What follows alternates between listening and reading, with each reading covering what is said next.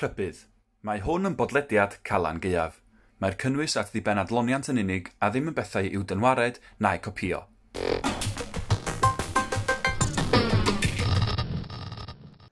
Helo, gyfeillion henffych a chroeso i ffodlediad uh, Calan Gaeaf Hans, efo fi Iwan Pits. A fi Carol Bryn.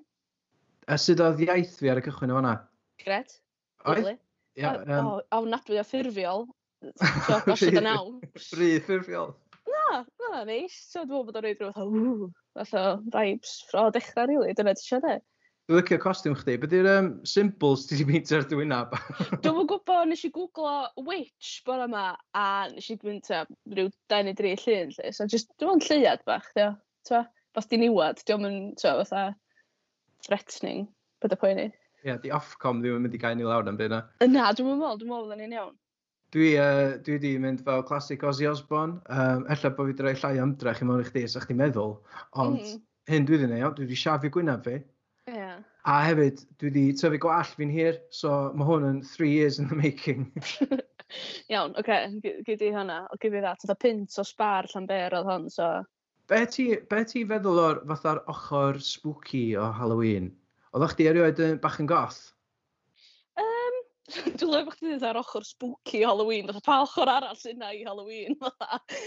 Wel, na, ti'n gwybod be, gyn o'ch di ochr arall i Halloween, gyn o'ch di fatha, ti'n gwybod, y costiwm, dwi'n siŵr, yr un mwyaf poblogaidd ar y funud, ydy probably Elsa o Frozen, ah, ti'n gwybod, yeah, okay. oh, a, a, a hefyd ydy, dwi'n mwyn gwybod faint o spooky di mynd o drws i drws yn gofyn am dad a. Ie, oce, okay, fe fedws.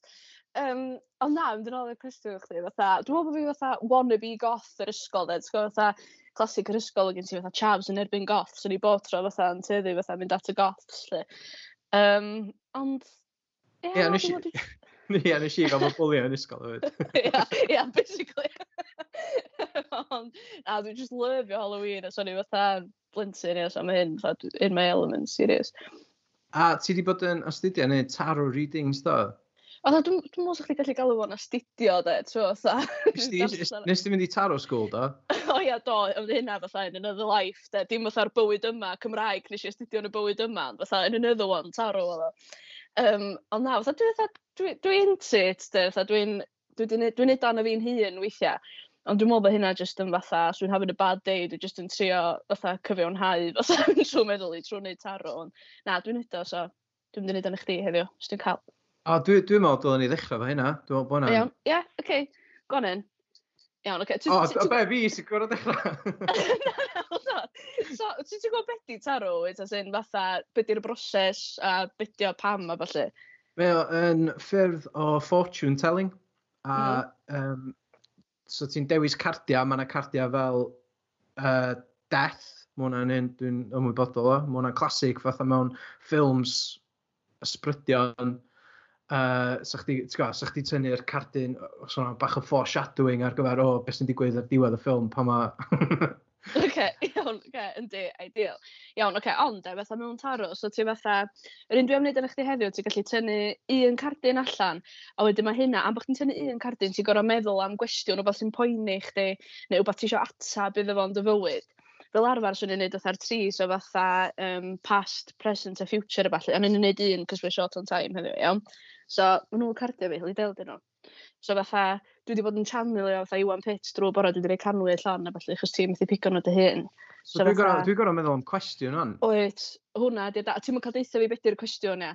A ti'm mynd cael deutha fi diwadd chwaith. Na, Na, oce iawn. Os wyt ti isio, fatha, maen nhw'n deud, os wyt, os wyt ti'n datgelu beth yw'r cwestiwn, fatha, di o ddim yn dod yn wir, neu di o ddim, mae'n effeithio ar yr outcome. So mae fyny chdi, rili, really, a to, if you want to do it, os ti eisiau deitha ni for the entertainment, fatha, deud, iawn, fel arall. Na, dwi'n... Dwi, dwi, dwi, Oce, okay, iawn, dwi, dwi efo cwestiwn. Oce, okay, iawn. Mae ma mwy o... Um, Otha gobaith na cwestiwn, os dyna'n ei sens. Yndi, mae hynna'n ei sens. Iawn, oce. Okay. So dwi'n dweud, ar ôl shufflo nhw, dwi'n rhaid nhw allan fel la, a dwi'n teddu mynd am yr un sydd fatha'n sefyll allan bob tro. Iawn, so dwi'n rhaid hwnna i lawr. Da, so dwi'n rhaid hwn i ffwrdd. Uh, os da chi yn gwrando ar y podcast yma, ydych chi eisiau gweld be sy'n mynd ymlaen, um, fydd uh, hwn ar YouTube hans. Mae'n yn briliant. Pa gardyn ti'n meddwl ti'n gael? Um, dyma, three of Swords, mae hwnna'n un, ynddi? Death, mate. O, oh, na! So dyna'n peth da, ta drwg? Um, Wel, y gair ydi death, so, ti'n meddwl, fatha, it's not great, de. Ond, um, so, oce, okay, mae'r cardyn yma, o, mae o'n water card. So ti'n water sign, dod, ti'n scorpio. Iawn? Dwi, dwi, ynddo. Ti eisiau teiri? Wel, na, dwi'n yn gwybod.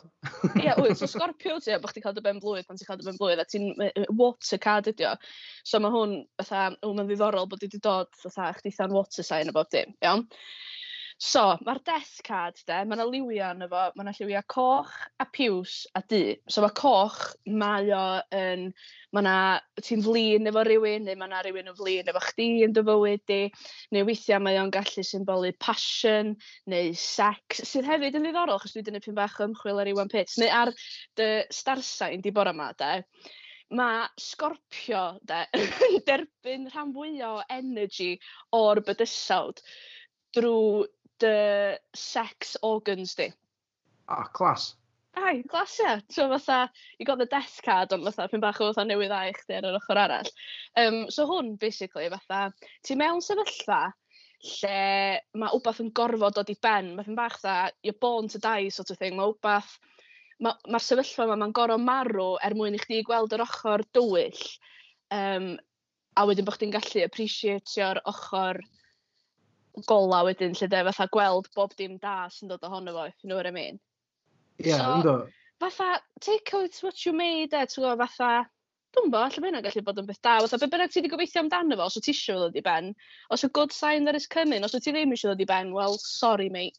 dwi'n bo, be arall i ddweud, on sorry heb, heb ddatgelu be ydi o, achos dwi eisiau fod yn, dwi eisiau fod ddod yn wir. Ia. Yeah. Um, mae be dwi wedi gobeithio am yn mynd i ddod i ben, mae'n inevitable. A dwi'n dwi, dwi gallu deitha, dwi'n gwybod y dyddiad mae'n mynd i ddod i ben hefyd.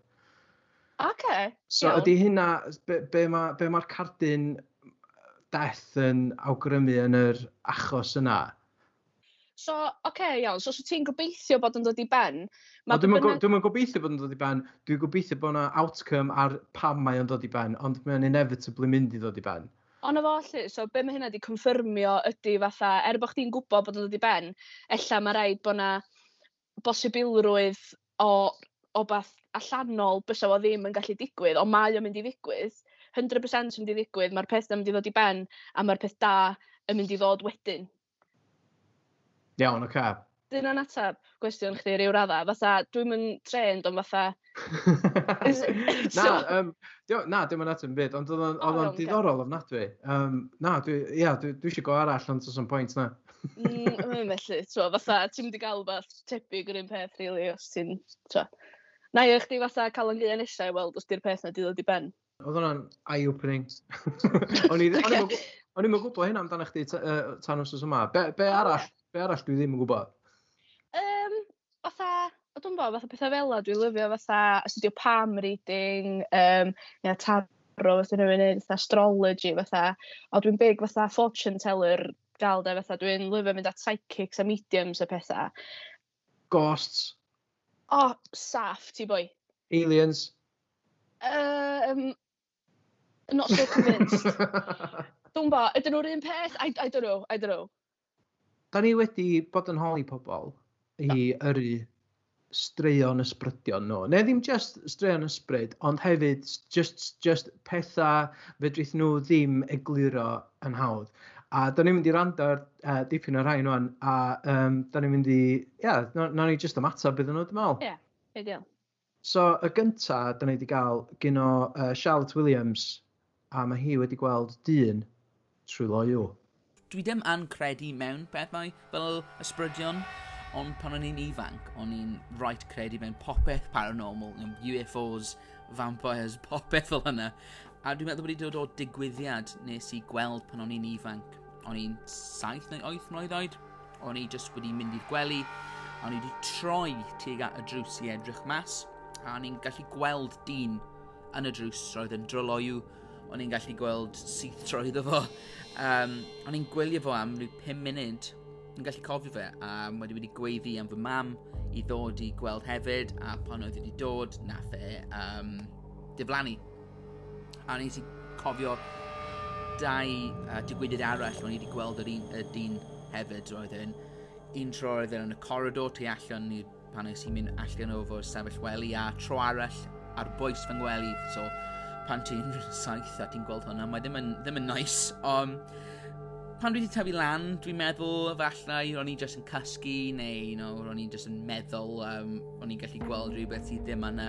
Ond, pan dwi'n fynd nôl i ti fy rhieni fi, dwi dal yn edrych dros fy sgwyddau fi, dwi dal yn rhoi'r goleuadau ymlaen, dwi dal yn meddwl pob sŵn, pob noc yn ysbryd. So, um, mae'n weird, dwi ddim yn credu mewn e, ond hefyd dwi dal yn meddwl efallai o'n i wedi gweld rhywbeth. So mae'n mae, mae either weird. Dwi'n bo, fatha, maen nhw'n deud, fatha, o beth dwi wedi ddarllen maen nhw'n deud, os wyt ti'n teimlo bath a bod chdi'n ama bona bath, fatha 90% o'r adag mae o'n, maen nhw'n deitha chdi fatha trust your instinct sort of thing. Ond dwi'm yn gwybod, fatha lot o... pan dwi'n clywed storis gen bobl arall, dwi'n teddu fatha siwtio ni lawr. Ond dwi'n meddwl bod hynna jyst oherwydd bod fi'n jealous bod o ddim wedi digwydd i fi. Ti'n gwybod, e, efo, efo storis fel yna, mae hwnna'n, so, yn enwedig yr ista ar y gwely, mae hwnna'n Mae hwnna'n classic case dwi'n meddwl o sleep paralysis. Beth ti'n gwybod am sleep paralysis, Carol? Dwi'n yn gwybod lot, de, ond fatha, dwi'n gwybod bod wedi digwydd i fi sawl tro, lle, de, a fatha, Ond neu bod, neu bod fi wedi gweld ghost, a bod fi'n meddwl na sleep paralysis, I don't know, I don't know. Definite. Uh, siarad am gwely, um, beth am ni gael uh, clywed stori Llion, Thomas? Iawn. Di'r stori yma ddim amdano fi, ond mae o amdan partner mam, sydd yn un o met sgora fi erioed, um, pan ddod o'n gyn ifanc. Gath o'i ddiffro, te tri o gloch bora, un uh, noson, tîm o rhywbeth, cyffwrdd i goes, dyma'n agor i lygyd, ac o'i mlaen o, oedd y ddynas wen ma mewn dillad Victorian. Ta, golwg hen ffasiwn ofnadwy. Uh, stori oedd nath i golli blentyn yn y tŷ yna. Ac o hi meddwl mae uh, partner mam Alun oedd y plentyn ma lle oedd hi'n ista.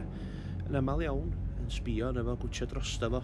Uh, nath nhw ffeindio allan y stori yma. Hwyrach ymlaen lle gatho nhw um, boi o'r eglwys sydd o dyna lle a, a so, eisiau dŵr sanctaidd ag ati gwmpas y tŷ a cael gwarad o'r bwgi bo. Ww, spooky de. Oedd hwnna spooky, Carol? Na. Mae'r uh, dynas wen, mae hwnna'n classic ghost yn di. Hwnna classic de. Tri o gloch bora, absolute classic. Dynas wen yn gwylo gwely, absolute classic. A wedyn, be dwi'n methu weithio allan ydy, de, dwi'n gwneud Llion yn mynd i dweud hyn, chos dwi'n abod Llion yn iawn.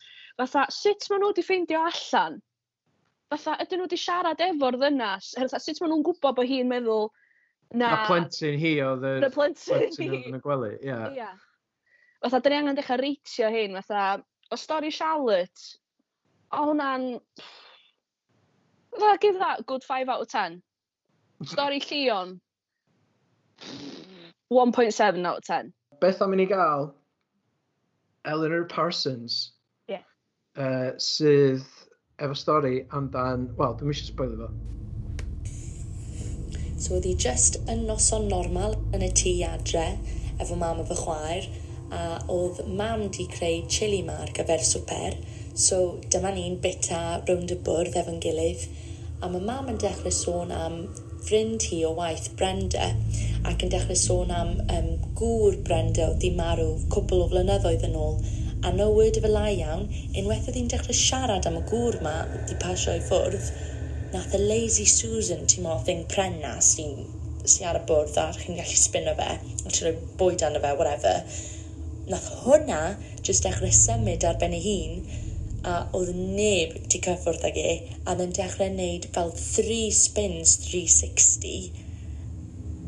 Fel, e, just achos oedd mam di sôn am y dyn ma di marw, so sa'n os oedd na spirit neu ghost oedd di wneud e, ond flippin ec oedd o'n weird, just watch o fe yn symud.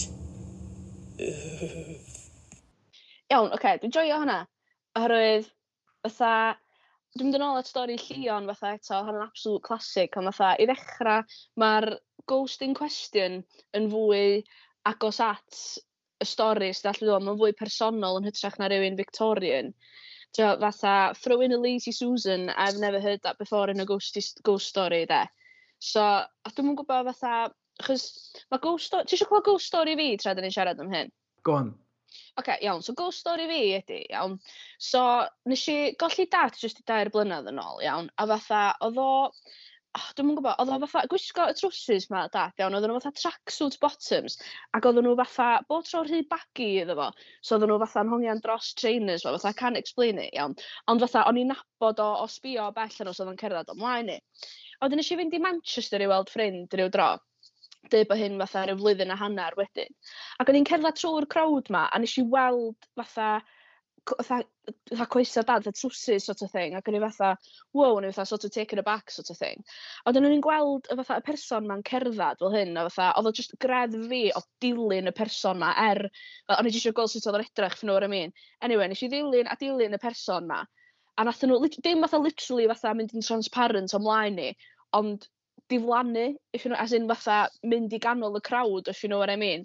So fatha, fel dwi'n deud, fatha, ni'n deud o blaen, dwi'n meddwl bod nhw fatha ysbrydion yn wbath wyt ti'n, oh, dwi'n mwyn gwybod, wbath nes ata chdi, so fatha, wbath fel la, ella wrth fatha siarad amdanyn nhw, fatha, fo'r Lacey Susan bod o just yn sort of, ia, yeah, wbath nes ata chdi, ond dwi ddim yn coelio yn fatha, oh, the Victorian woman at the end of your bed, da. Wel, efallai ddim baich llion oedd oedd o'n ailadrodd stori rhywun arall, sydd hefyd yeah. yn clasic. Ynddi, oh, yeah. met fi, di bla, bla, bla. A oedd yeah. oedd cousin athro uh, gitar nain fi wedi... Ti'n gwybod ddo? Di gweld fatha...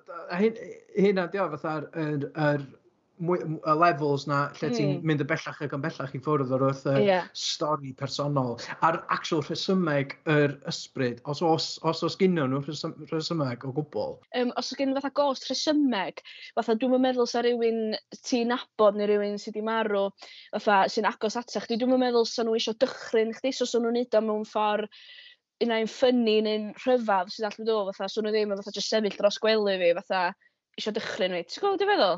Ia, yeah, na, so nhw'n spinio Lazy Susan bysa. Ia, yeah, bysa, ia. Yeah. Otha, gwon, ia. Da. Be ti'n wybod, Carol, amdan traddodiadau um, Cymraeg uh, Calan Gaea?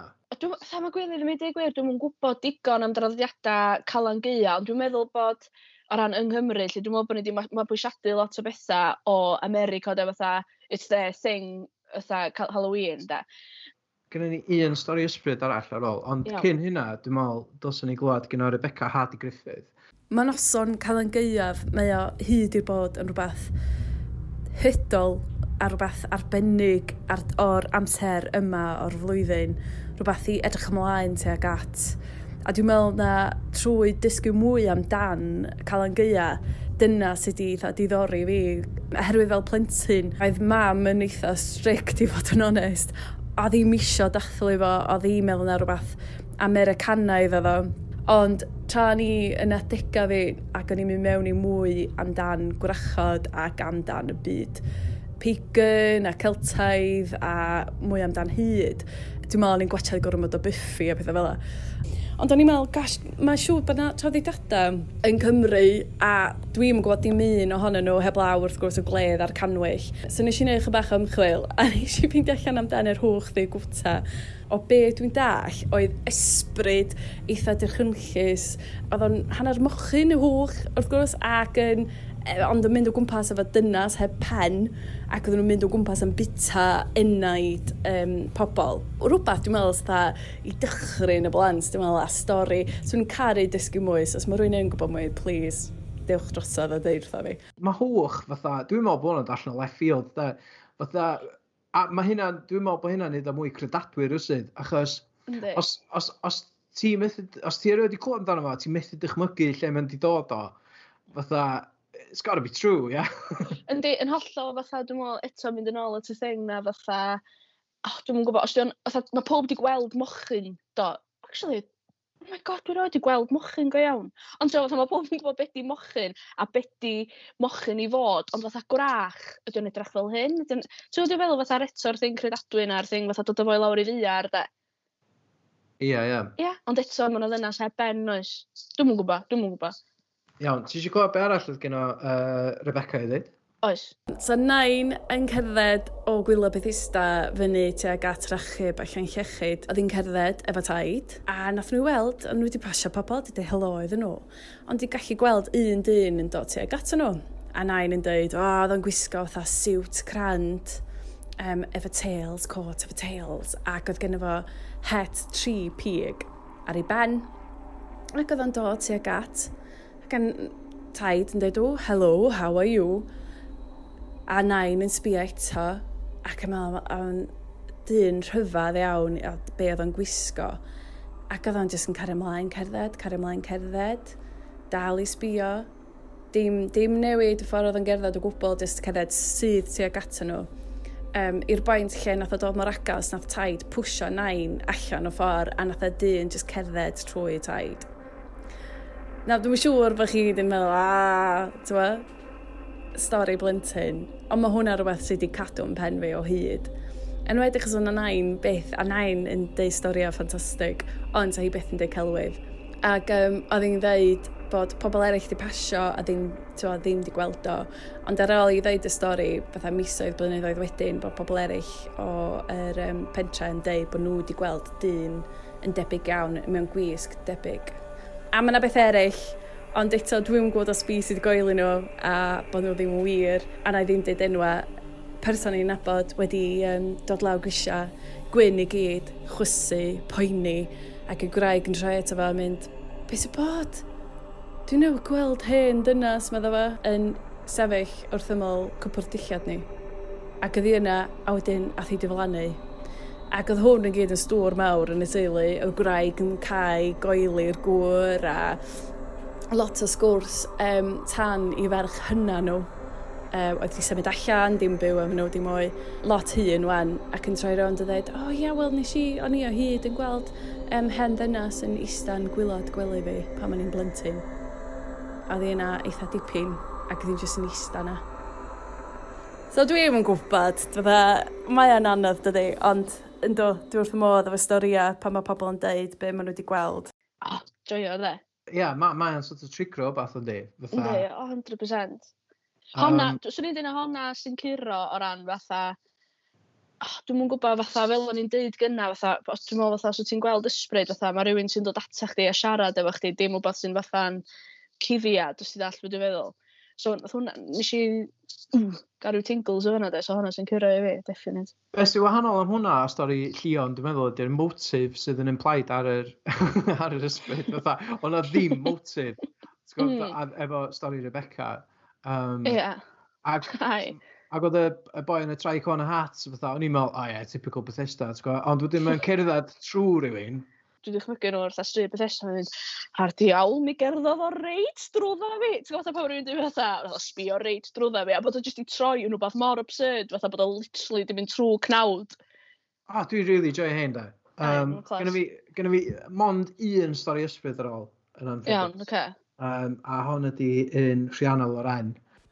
So, o'n i'n brwysio nanedd yn y bathroom pan o'n i tua 30 mlynedd oed, Um, ar ôl i mi boeri, edrychais yn y drych a welais i fenyw yn sefyll yn y bath tu ôl i mi.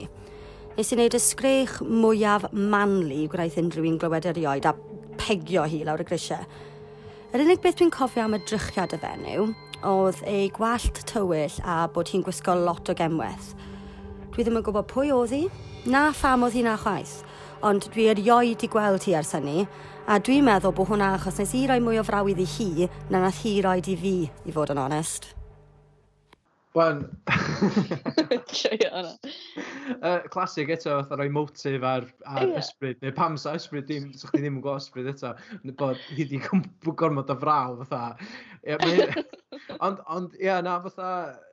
Ia, yeah, mae'r ma idea hefyd, fatha, ti erioed i wneud Bloody Mary? Do, dwi'n cofio oedden ni'n neud hynna ar ysgol gynradd oedden ni'n mynd fatha yn ganol lesson i fynd i neud o. Ond fatha, oedd o mond yn scary, cos oeddech chdi gwybod, oedd o fod yn scary. Ia, yeah, so just i hynna sydd ddim yn gwybod, uh, Bloody Mary ydy vodka tomato juice, ia. Ia. Na, uh, Lyf, da, yn ysgol gynradd.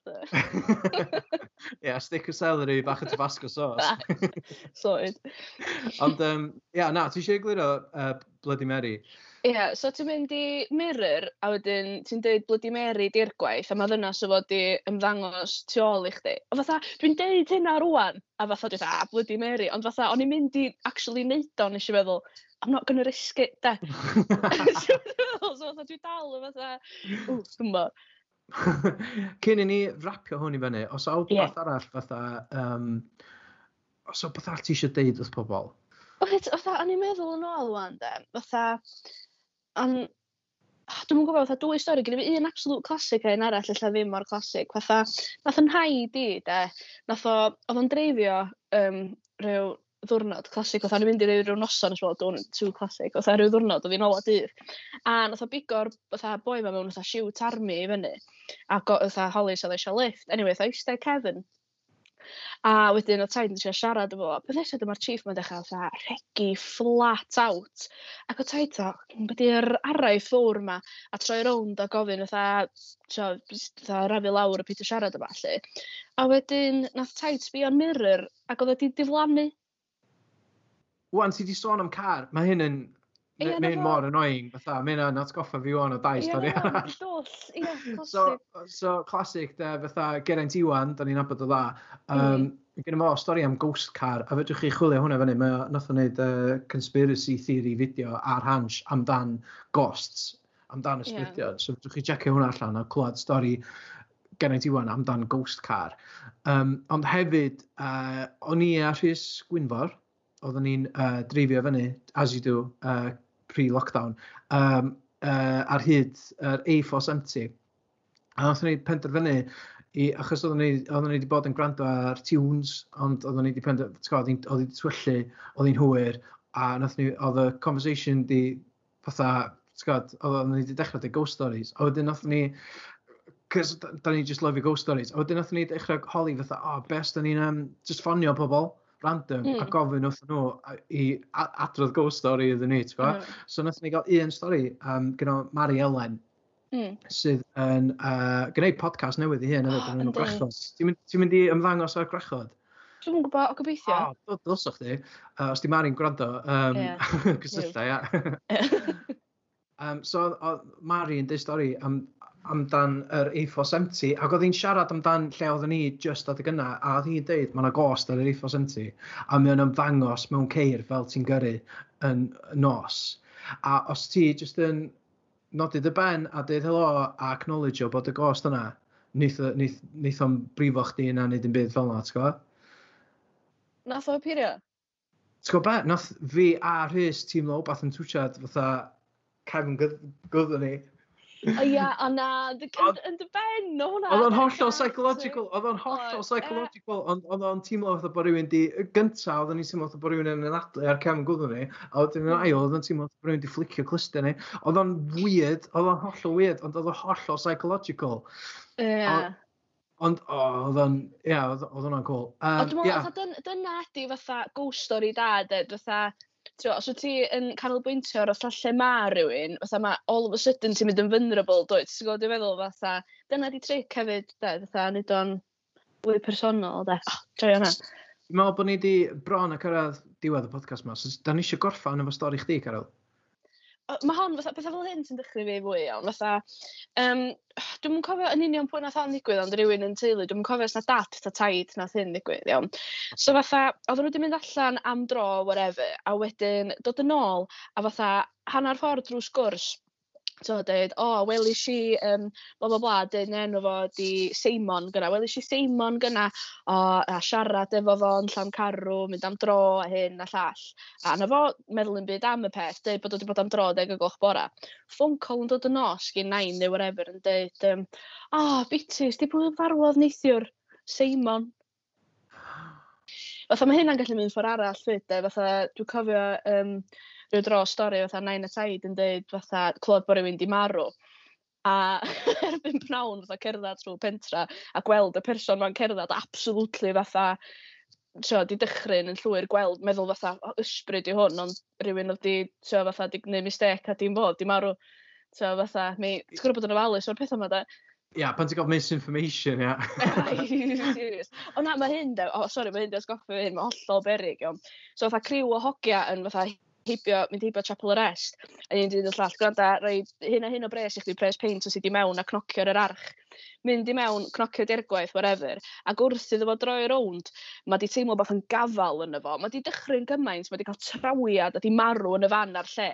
Ond be ddigwyddodd oedd, de, mae di troi rownd ac roi hwc neu hoelan neu rhywbeth ar y wal, a di mynd yn stuck yn ei jumper o, ond oedd o'n meddwl na wbeth wedi gafal yn efo, a mae di dechrau fo gymaint, mae chief di marw, fatha, it's not worth it for a ghost story, de. Cradur. Ai, serious? So, mae noson Colin Gaea, mae hi, os, wel, allai bod pobl yn gwrando ar hwn, yn fatha, ti'n gwybod, tachwedd y pumed neu uh, dolyg neu rhyw holiday arall. Ond mae'n mae amser am stori ysbrydion yndi. Mae'n mae, mae wir yn amser am stori ysbryd. Achos mae'n twyllu'n fuan. Mm -hmm. gwybod, um, da, ni, da ni gyd yn gorau aros yn tŷ anyway blwyddyn yma. Mm. Os, os yn byd gwell, da. Os yn byd gwell na stori ysbryd. Um, diolch fawr iawn am, uh, am, am wneud y podcast yma fi, Carol. Mm, diolch i chdi, Demet.